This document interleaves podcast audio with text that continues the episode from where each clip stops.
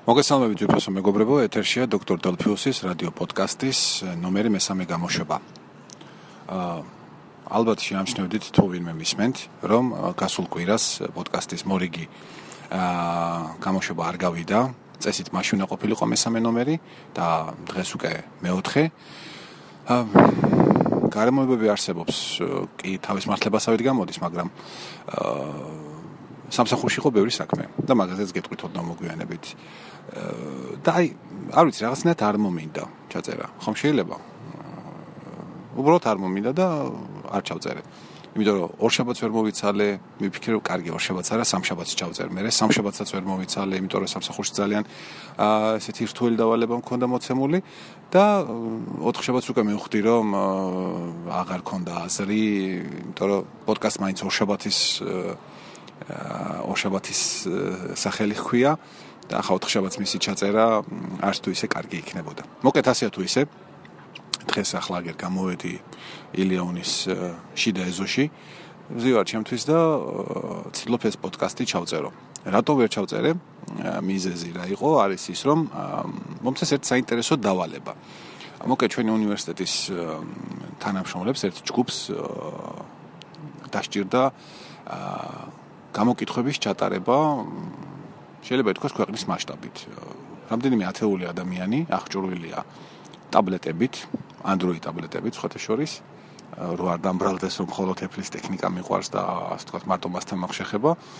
აა და ამ ტაბლეტებზე აყენია გარკვეული პროგრამული უზრუნველყოფა. ეს არის ODK Open Document Kit, ესეთი, რომელიც მე აქამდე არ ვიცოდი რა იყო, ეს არის ღია წყაროზე დაფუძნებული პროგრამული უზრუნველყოფა, სერვერული ნაწილი და კლიენტის ნაწილი. კლიენტის ნაწილი სხვათა შორის საინტერესო ის არის, რომ მხოლოდ Android-ზე დგება, Android ტელეფონებზე ან ტაბლეტებზე. ანუ iPad-ისთვის ან iOS-ისთვის არ არის. აა რა ხდება? ადამიანი აღჭურვილი ასეთი ტაბლეტით, რომელშიც ეს პროგრამა აყენია. დადის ქალაქში, რა ვიცი, კარდაკარ, და ტაბლეტში ჩაწერილი გამოკითხვის ფორმის საშუალებით ინტერვიურებას ახდენს ჩვენი მოქალაქეების. გამოკითხვის ფორმა შეიძლება იყოს ნებისმიერი, ხო, რასაკვირველი იქ სახელი გვარი ან სქესი დაბადების თარიღი და მე კითხვები, კითხვები მრავალ მრავალი არჩევანით, ერთი არჩევანით, თავისუფალი პასუხით და ასე შემდეგ. ძალიან საინტერესო პროგრამული უზრუნველყოფა აღმოჩნდა და სერვერული ნაწილზე მე იგზავნება ეს ინფორმაცია, მაგრამ იგზავნება როგორ? სავალდებულო არ არის ამ ტაბლეტს რომ გქონდეს მუდმივი შეერთება ინტერნეტთან და ანუ ის მიერთებული იყოს ამ სერვერზე, არამედ ინფორმაცია გროვდება ტაბლეტში, ოფლაინ რეჟიმში. შესაბამისად ამ ადამიანს შეუძლია გამოკითხოს. მრავალი მრავალი ათეული ან თუნდაც ასეული ადამიანი თელი დღის განმავლობაში და საღამოს ან დღის ნებისმიერ დროს აა როდესაც ის უკვე მოხდება ინტერნეტთან კავშირი ექნება ერთი ღილაკის დაჭერით ყველა ეს შევსებული ფორმა გადააგზავნოს სერვერს. მოსახერხებელია იმიტომ რომ ჯერ ეს ერთი ტაბლეტს არ სჭირდება რომ კონდეს აა თქვათ სიმბარათი თუმცა ის Lenovo-ს ტაბლეტები რომლებიც ჩვენ გამოვიყენეთ აღჭურვილია ასეთი აა სიმებით და თქვა შეიძლებოდა მოდმივი ონლაინ კავშირის გაკეთება. მაგრამ გადავწყვიტეთ რომ ამ კონკრეტული პროგრამის ეს ფუნქციონალი საინტერესო იყო რომ დაგვეტესტა და შესანიშნავად ამუშავდა. დაგროვილი მონაცემები იგზავნება მშვენივრად აა სერვერზე მოკლედ მთელი ეს გასული კვირა აი ამ პროექტით ვიყავი დაკავებული ძალიან საინტერესოა. პრინციპში თუ ვინმეს სმენელს დაგაინტერესებთ მე შემიძლია დაგეხმაროთ აღნიშნული აა სისტემის გამართვაში აწევაში და მე თქვენ შეგიძლიათ ისარგებლოთ. პროგრამა აბსოლუტურად უფასოა და ნებისმიერი ადამიანისათვის ან ორგანიზაციისთვის არის ხელმისაწვდომი აი მოკეთ ეს იყო ეს ძირითადი მიზეზი რის გამოც ვერც პოდკასტი ჩავწერე და ვერც ჩემი სამუშაო სის ძალიან გზელი სის სხვა პუნქტებიც საკმაოდ ცუდად შევასრულე მაგრამ მაგრამ საინტერესო ექსპერიენსი იყო ნამდვილად აა კიდე ერთ საკითხი, რასაც მინდოდა მესაუბრა, არის აა ასული კვირის ცოტა უფრო იქით, მქონდა დაბადების დღე. 54 წლის გავხდი. და მეორე დღეს, ანუ პირველ თებერვალს, სადღაც უცებ თავში ერთმა იდეა მომიარა. უბრალოდ იდეაც არა. შეგძნება მქონდა. ანუ შეგძნება 31 იან იანვარს ჩემ დაბადების დღეს მთელი ამ დროის განმავლობაში, მრავალი წლის განმავლობაში ალბათ სადღაც ესე 25-26 წლის ასაკიდან. არ თუ ისე სასიამოვნო მქონდა ხოლმე. ანუ ერთი წლით კიდე ასაკის მომატება, დაბერება ბჭყალებში და ისა ნამდვილად არ მხდიდა ბედნიერს.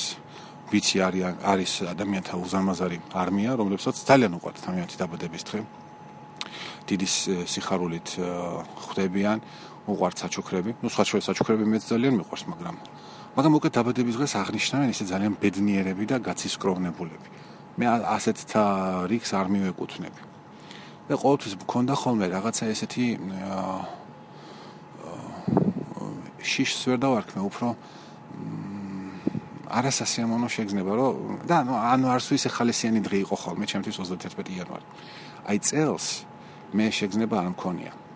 და რომ დავფიქრდი და ჩაუღრმავდი საკუთარ თავს, მივხვდი რომ თუ რატომაც არა, რატომ აღარ მეშინია, რატომ აღარ მაქვს ეს არასასიამოვნო შეგზნება. ვიყავი აბსოლუტურად შვიდი, წყნარი. ანუ ის რაღაცა ეიფორია და განცდა არ მქონია, მაგრამ არც ცუდი შეგზნება არ მქონია. ეს იმიტომ რომ მე მყავს ჩემი სანდრიკო. და იქიდან გამომდინარე რომ სანდრიკო მყავს და ჩემი სიცოცხლის მთავარი აზრია მე სიკვდილის აღარ მეშინია ალბათ იმიტომ რომ ერთმა დამიწერა მე კომენტარებში Facebook-ზე რომ აა როგორც მინიმუმ უკტოებას მივახცე შვილის შვილის არსებობით. ანუ მე რომ მოკვდები როდესაც იქნება ეს ყველა მოკვდებით ხომ? აა ჩემ შემდეგ დარჩება ის სიცოცხლე, რომელიც ჩემი საშუალებით წარმოიშვა და რომელიც მე ქვეყანას ყველას მირჩევნია. აი ესეთი რაღაც უცნაური აა შეგნებები გამიჩნდა და სიმართლე გითხრათ ძალიან მიხარია რომ ჩემი სულის და გონების რაღაც გარკვეული ნაწილი ამ ფაქტით დამშვიდებულია. ხო და მარტო ამ ფაქტით არ არის დამშვიდებული ჩემი გონება, კიდევ ერთი ფაქტი მაქვს, რომელიც ნამდვილად ახლა შემეძლია ვთქვა, რომ מחარებს არის ის, რომ ჩემი წონის კლება მიდის ძალიან კარგი ტემპებით. სადღაც იანვრის შუა რიცხვებში დავიწყე მე. აა 135 კილოდან. ხო და ამ დილას 11 თებერვლის დილის 8 საათზე რომ ავიწონე, მე ვარ 125 კილო და ну რაღაც გრამები 125 კილო მოკლედ. პრაქტიკულად 10 კილოიანი კლება მაქვს სადღაც ერთი თვის განმავლობაში კი გეთახმებით რომ არც თუ ისე სასარგებლოა ძალიან სწრაფი წონის კლება საკმაოდ მოკლე დროში მაგრამ მინდა გითხრათ რომ უკვე ძალიან შემაწუხებელი იყო ამ ხელა თვირთის თრევა აა წარმოიდგინეთ ახლა ვინც მისმენთ ისეთი ადამიანი, რომელსაც არ გაქვთ ჭარბი-წონა, ხართ ნორმალურ ფორმაში და მოდით აიღეთ რაიმე 10 კილოიანი ტვირთი, ჩაიდეთ ის ზურგ ჩანთაში და მთელი დღე ატარეთ. მთელი დღეც ატარეთ, მთელი საღამოც ატარეთ, რო დაწვევით გულკერძე დაიდეთ ეს ზურგ ჩანთა და ესე დაიძინეთ, აბა როგორია? ძალიან ცუდია.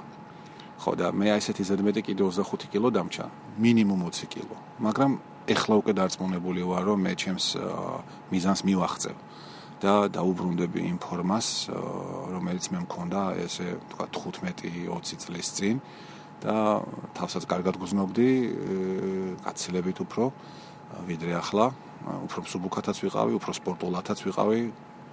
ვიზუალური მხარეც გაცილებით უკეთესი იყო, რასაკვირველია.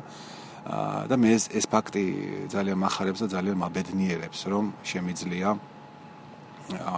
ესე იგი მე შემძლებია დავძლიო ის იზარმაცე, ის ღორმოცელობა, ის არ ვიცი, კიდე რა დავარქვა, სხვა სხვა უარყოფითი ფაქტორები, რამაც მე ამ მდგომარეობამდე მიმიყვანა. იმიტომ რომ ბოლო ანუ ამ დიეტის დაწყებამდე ბოლო 3 თვის განმავლობაში არ ვიცი ეს ახლა რა თქმა უნდა ფიზიოლოგიური შიმშილერი ყოფ რა რაღაც გონებიდან მოდიოდა შიში იყო იმისა რომ ვაიმე ახლა აი მშიერი არ დავრჩე და ანუ ვერ დარჩები მშიერი გამოიცხოლია ომი არ არის გაჭირება არ არის და ნუ ისეთი ახლა ლენინგრადის ბლოკადაში არა ვართ რომ ადამიანები შიმშილით მასიურად იხოცებოდნენ ხო? ანუ ყოველ შემთხვევაში მე დიდ ბოდიშს მოვიხდი თუ რამე შეიძლება ხე ისე ვთქვი მაგრამ ყოველ შემთხვევაში მე არ მაქვს ეს მდგომარეობა რომ შიმშილით სიკვდილი მეწეროს მადლობა ღმერთს. აა ხო და დავძლიე ეს ეს მომენტიც და